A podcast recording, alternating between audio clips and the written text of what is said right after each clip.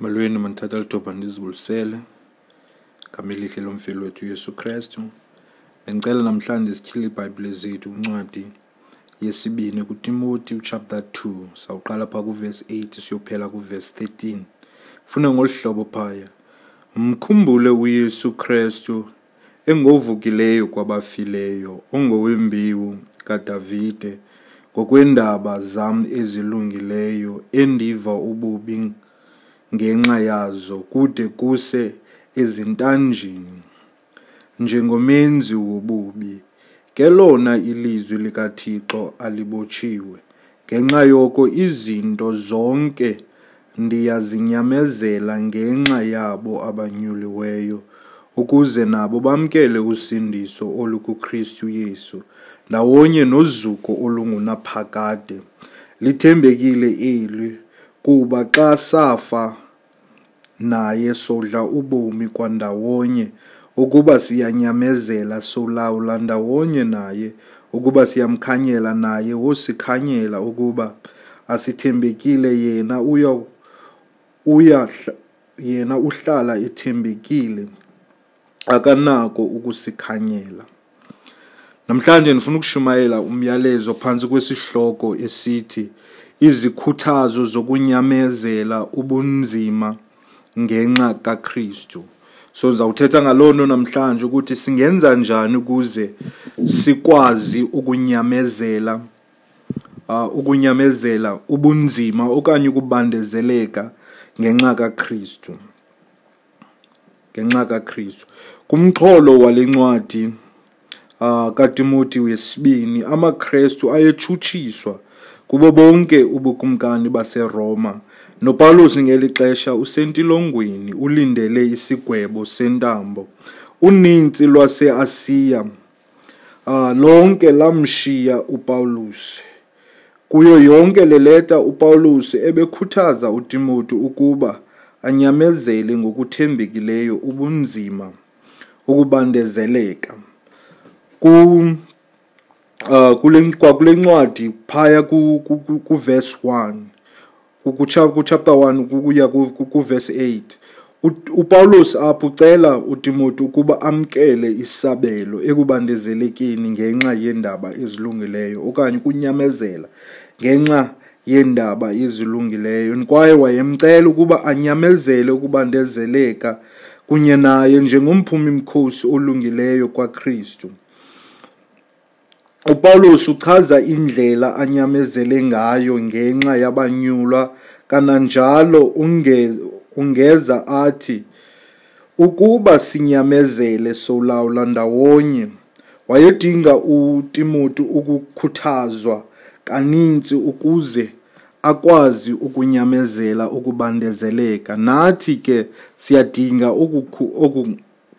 ukukhuthazwa njengaye ihlabathi lanamhlanje lihluke kakhulu uh nangexesha owayephila kulo uTimothy. Ukusuka apho izinto zisiye ziya zisiba mandundu.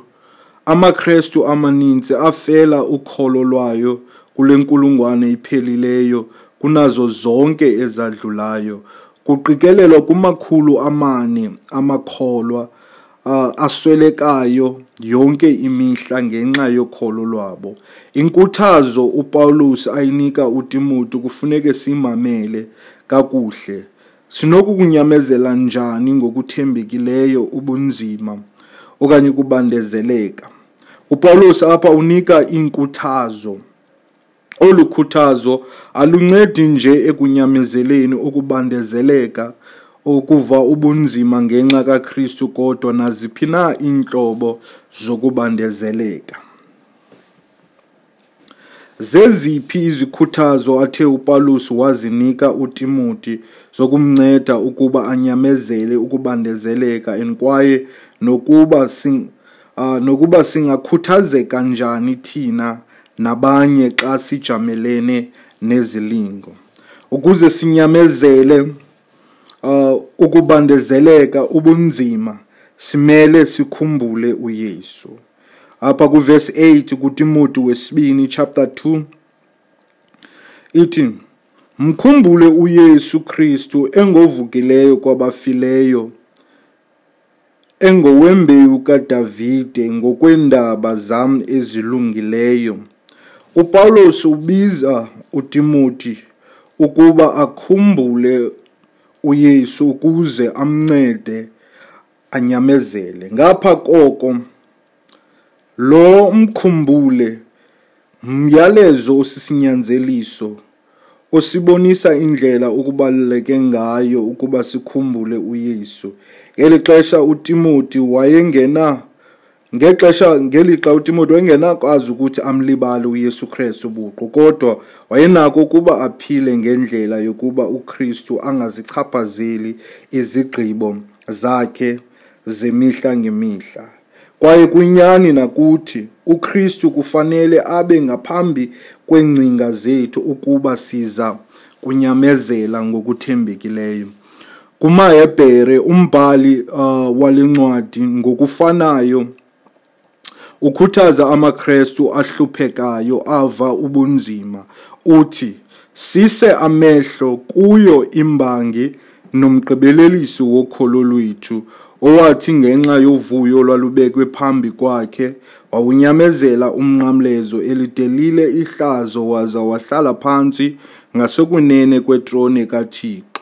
Ewe mqondeni lowo ukunyamezelayo ukuphikisana okungaka kwaboni ukuze ningadinwa ingatyhafi imiphefumlo yenu. Kumahebhere 12 verse 2 uya ku3 sigcine kumele sigcine amehlo ethu ejonge kuYesu Kristu ngoba uyivulandlela nomphelelisi wekholo lwethu. And ngenxa yovuyo lwalubekwe phambi kwakhe ithi iBhayibhile yena wawunyamezela umnqamlezo ubunzima engahoyanga hlazo lawo waza uYesu wahlala phansi ngasekunene kwetroni. Ithi iBhayibhile masicinge ngalowo wawunyamezelayo inkcaso enjalo ngokuchasene naboni ukuze ungadinwa uh, imiphefumlo yakho kwaye unganikezeli ingqondo egxile kuKristu hayi kwizilingo okanye ubunzima ibalekile ukuze sinyamezele. Xa uPetrose wayehamba phezu kwamanzi kuxa wayeka ukujolisa kuKristu waya kuqhwithelo kulapho waqala waqala khona ukutshona ngalo lonke ixesha egxile kumsindisi wakhe wakwazi ngokholo uh, wakwazi ngokholo ukuhamba phezu kwamanzi. Kufuneke senze njalo. Zeziphi izinto ngoKristu athi uPawulos mazikhunjulwe? Okokuqala kufuneke sikhumbule ukuba uYesu wavuka kwabafileyo. Kutheni kubaluleke kangaka ukukhumbula uvuko? Zeziphi izizathu zokuba kutheni kufuneke sihlale sikhumbula uvuko lukaKristu rhoqo? Uvuko lusikhumbuza ukuba uYesu unguThixo. Uvuko lwa lububungqina obupheleleyo bokuba uKristu wayengeyondoda nje elungileyo kanye umprofeti wayengunyana kaThixo. Wayengokuqala ukuvuka wayengowamazibulo ekuvukeni. uLazaro nabanye bavuswa ekufeni kodwa bafa kwakhona kodwa yena uYesu wahlala ephilileyo ngapha koko uh, isenzi esi engovukileyo likwixesha eligqibeleleyo. Oku kuthetha ukuba uKristu usaphila nanamhlanje.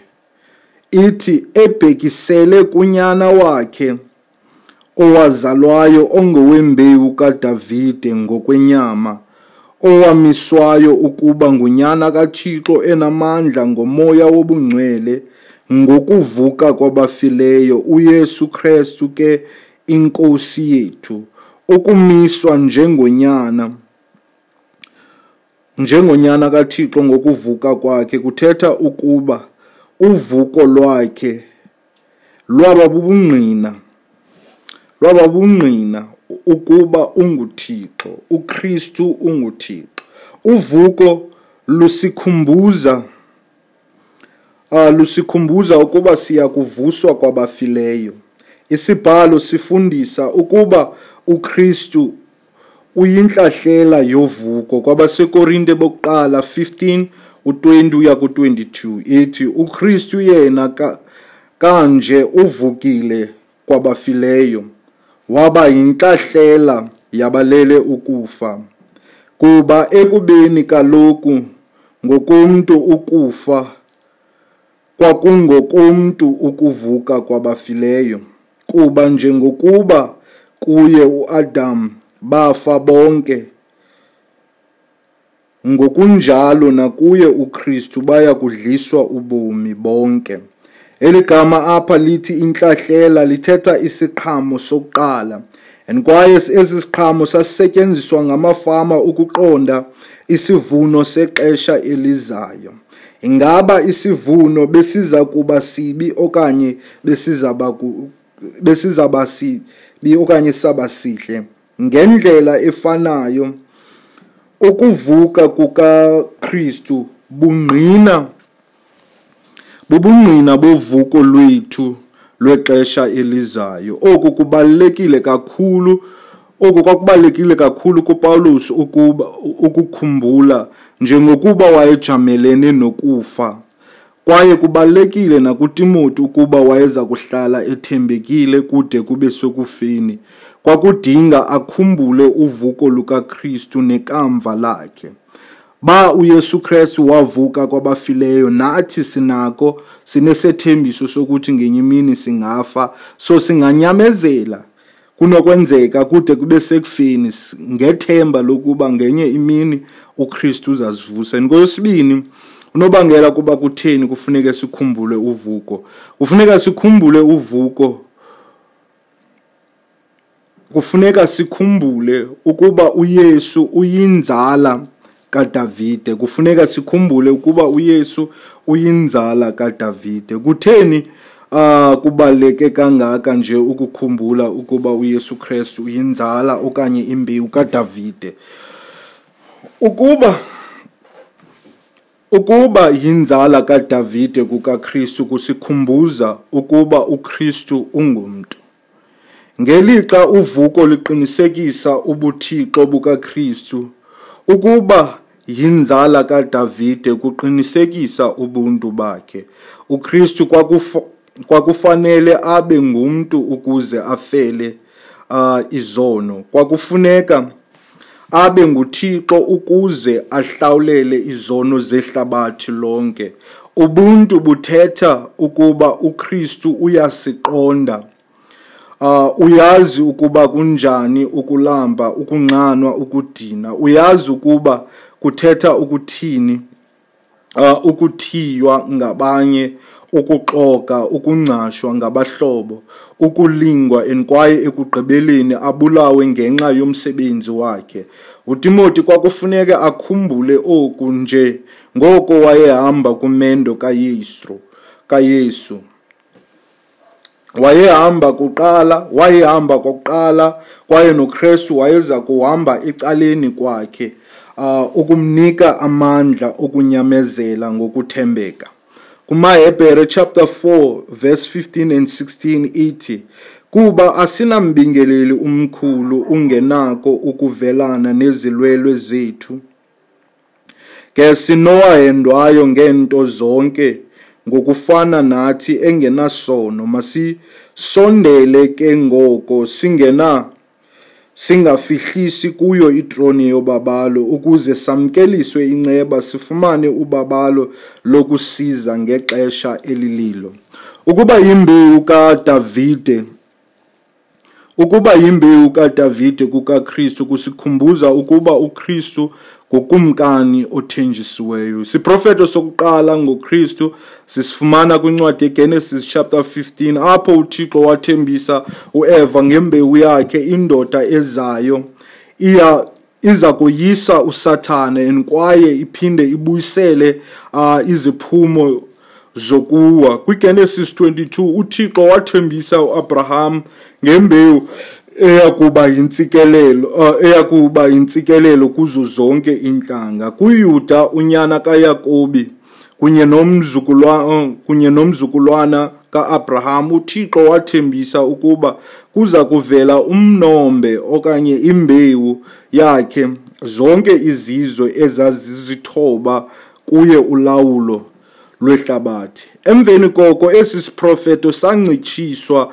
kumnombe kaDavide njengoko uThixo wathembisa ukuba imbewu kaDavide iya kuba nobukumkani obungunaphakade.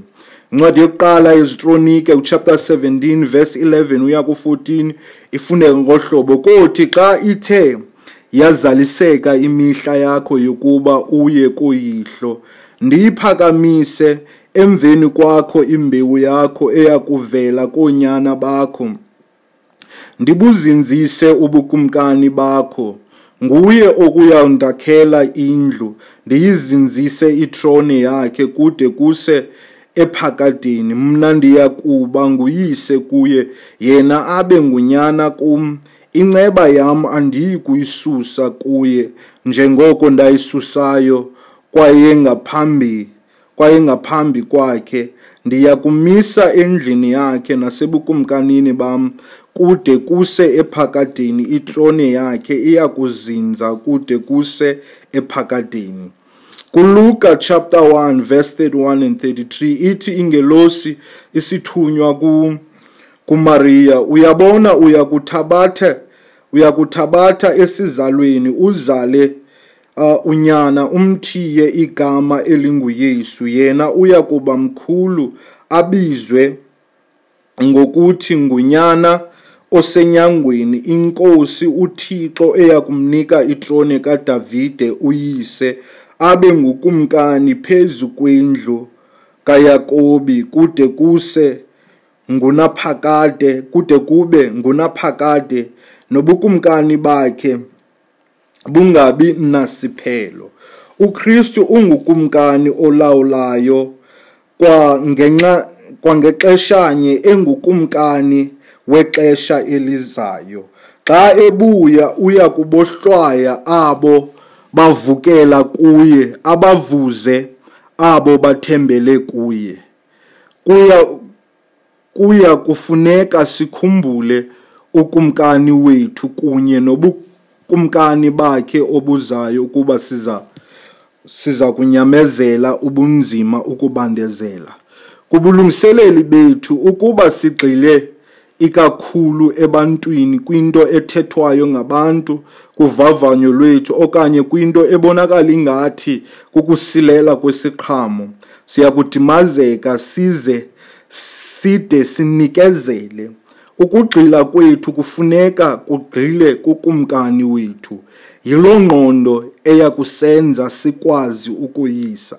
Ukukhumbula uKristu akubalulekanga kuthi kuphela kodwa kubalulekile kwindlela esilungiselela ngayo ngayo kwabanye. Njengoko kubonisa uh, kusibonisiwe isisibongozo sikaPaulus kuTimothy. Abanye banokucinga ukuba ukucela umngeni kubantu ukuba bakhumbule uKristu phakathi kwezilingo zabo. Kunokuba ngabi nancedo okanye kungabi nzulu kodwa akunjalo. Yeyona nto ibalulekileyo kakhulu esinokuyenza. Kubudlelwane bethu noKristu kulele into yo yonke efunekayo ukuze simphilele uThixo.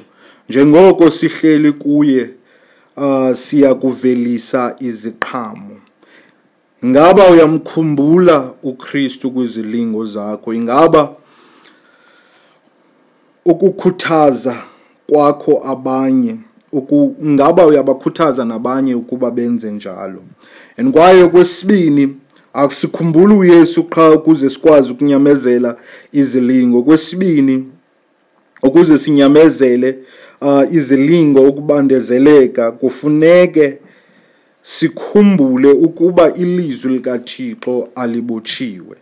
Verse 9 endithi ububi endiva ububi ngenxa yazo kude kuse entilongweni njengomenzi wobubi ke lona ilizwi likaThixo alibotshiwe.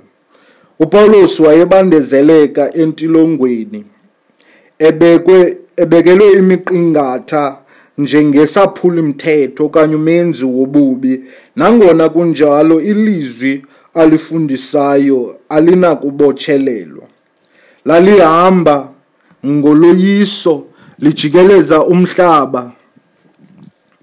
Ngokungathandabuzekileyo lide lichaphazele nabo basentilongweni kunye naye. Sikubona oku kusenzeka ngokumangali uh, ngomangaliso ekubanjweni kwakhe kokuqala eRoma. Ukuqala ukuqala ukubanjwa kwakhe eRoma. Uthi uPaulus ke kaloku ndinganingazi bazalwane ukuba izinto ezindahleleyo zithe kwakhona zahambayo indaba ezilungileyo ngokokude iintambo zam ezi zibonakale kuyo yonke indlu yomkhosi nakwabanye bonke ukuba zikuKristu baze baze abone abazalwane abaninzi bathi basenkosini bakholose ngentambo zam ezi babe kukhona benobunganga bokulithetha ilizwi bengenakuyikiswa ekuvalelweni kukaPaulus kokuqala onogada baliva ilizwi eh baliva baziva indaba ezilungileyo kwaye nabanye abangcwele uh, bakhuthazwa ukuba bavakalise ilizwi likaThixo ngesibindi ngenxa yokubandezela kwakhe. Ngapha koko Paulus wathetha ngelona lizwi uh lalisentilongweni. Waye wathetha kakhulu ngelizwi ngexesha wayesentilongweni. Kwaye incwadi ezininzi wazibhala ngexesha ebandezeleka esentilongweni. Incwadi yama-efese abasefilipi abasekolose nofilemon uyibhala ngexesha e, esentolongweni iindaba ezilungileyo nangona yena wayevalelwe zona zaziqhubekeka. Zaziqhubekeka.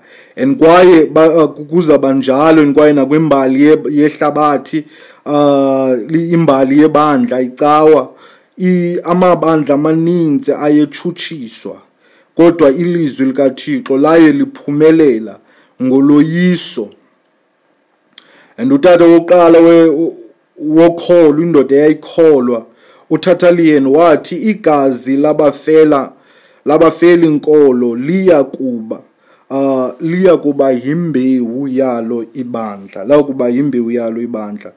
Ngapha koko uPaulus wafundisa ukubaleka uh ukubaleka uba nesibindi enkwaye nokuba nobungqina obufanele indaba ezilungileyo.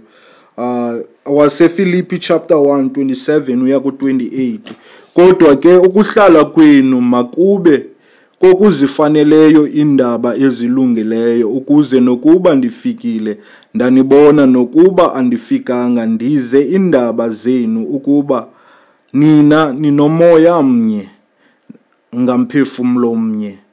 Nilwela inkolo yendaba ezilungileyo ningethuswa nantwenye ngabo bachasa into leyo engumbonakalaliso wentshabalalo okunene kubo kodwa imbonakalaliso uh wosindiso kuni kuba ke oku kuvela kuThixo kuvela kuThixo. Ke ngoko uPaulus wayenokunyamezela ngoku ngokuzithemba kuba nokubandezeleka kwakhe kwakungqina kwakungqina inyaniso yendaba ezilungileyo. Igospile gospel yayingabotshwanga. Ithi kayongeza enye indoda ibhayibhile yahlaselwa ngaphezu kwayo nayiphi na enye incwadi kwimbali. Itshisiwe yavalwa yahlekwa yajikwa ayahoywa kodwa ilizwi likaThixo limi ngunaphakade.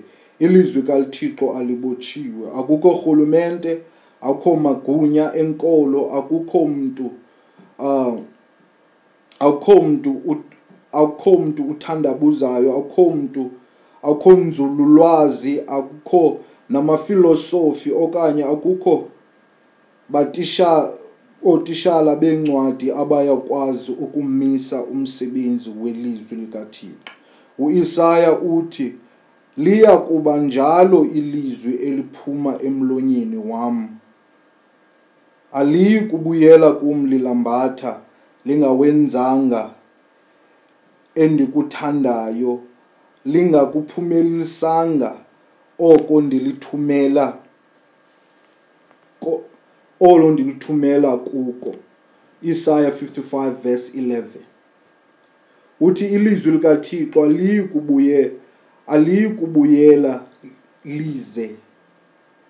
Ihlala lifezekisa injongo kaThixo. Yokuqala kaPetrose 1:25 ithi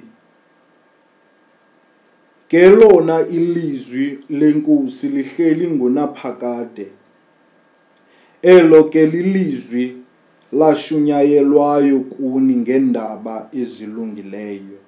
Nokuba abantu basivalela entweni njengoko bazama ukuvale ukuvala imilomo uh, yabanye ilizwi likaThixo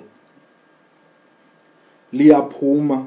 uTimothy kwakufuneke ukuba athethe athathe inkuthazo kulonto nathi ke nathi ke kufuneke sithathe inkuthazo kulento amhlanje sithethe ngenkuthazo ezimbini ezinako ukunceda ukuze ukwazi uqhubekeke uh umphilela uYesu Kristu nokuba imeko zinjani. Zithathe namhlanje uzifake ezinhlizweni uthandaze ucela uThixo ukuthi akuncede akupha amandla ukuthi uhambe enyanisweni yezwi lakhe uh enyanisweni yezwi lakhe. Kodwa nathi inofuneke ndiyithethe phambi kokuba ndivale ukuba awusindiswanga ukuba umazi uYesu Kristu owafayo wangcwatywa wabuya wavuka ezi zinto zizawuvakala ingathi azinamsebenzi empilweni yakho. Kodwa kwabo basindisiweyo ezi zinto zikukuphila ezi zinto zibubomi. Nawe unganalo ithuba lokuthi umazi uYesu Kristu usindiswe uzalwe ngokutsha. Ngokuthi uqonde nje izinto ezimbalwa. Into yokuqala ufuneka uyiqonde ukuthi ungumoni. Monile uthixo ongcwele ithi ibhayibhile akho lungisa hayi nalinye. And ngenxa yokuba kunjalo ungumoni empilweni yakho ithi ibhayibhile isono sinomvuzo and kwaye umvuzo wesono kukufa. Kodwa ithi ibhayibhile kayithetha kakuhle uthixo yena uh, waqondakalalisa okwakhe usithanda sakubona ukuthi singaboni uKristu asifele. Uh ukuba siyakholwa ukuthi ngexesha uYesu Kristu esifa emnqamlezweni wayifela impilo zethu ithi iBhayibhile sokusindiswa. Ithi phaya kayithetha kahle kuba seRoma ngokuba xa uthe wavuma ngomlomo wakho ukuba uyinkosi uYesu wakholwa ngenhliziyo yakho ukuba uThixo wamvusa kwabafileyo wokusindiswa. Iphinde ithi kuba bonke abasukuba belinqula igama lenkosi bokusindiswa. Inganguwe lo namhlanje uzicelela uYesu Kristu ukuthi akusindise. Kodwa ba usindisiwe khumbula uYesu Kristu. Khumbula uvuko lwakhe ukhumbule ukuba uKristu uh, unguye uThixo ukhumbule ukuthi uKristu uh, unguye umuntu uyakwazi ngenxa yokuba wayengumuntu waziva ezinto uyakwazi ukuthi avelane nathi. And kwaye ukhumbule ukuthi zonke ezi zinto simelana nazo namhlanje naye wakwazi ukuthi amelane nazo. Xa sithe saya kuye ngomthandazo unako ukuthi avelane kunye nathi and kwaye uvuko lwakhe lukhona njengesithembiso. Ukuba uKristu uvukile kwabafileyo ukholo lwethu luhleli kwinto nathi uyokuyivusa imizimba yethu enokufa kuyo. Enkosi.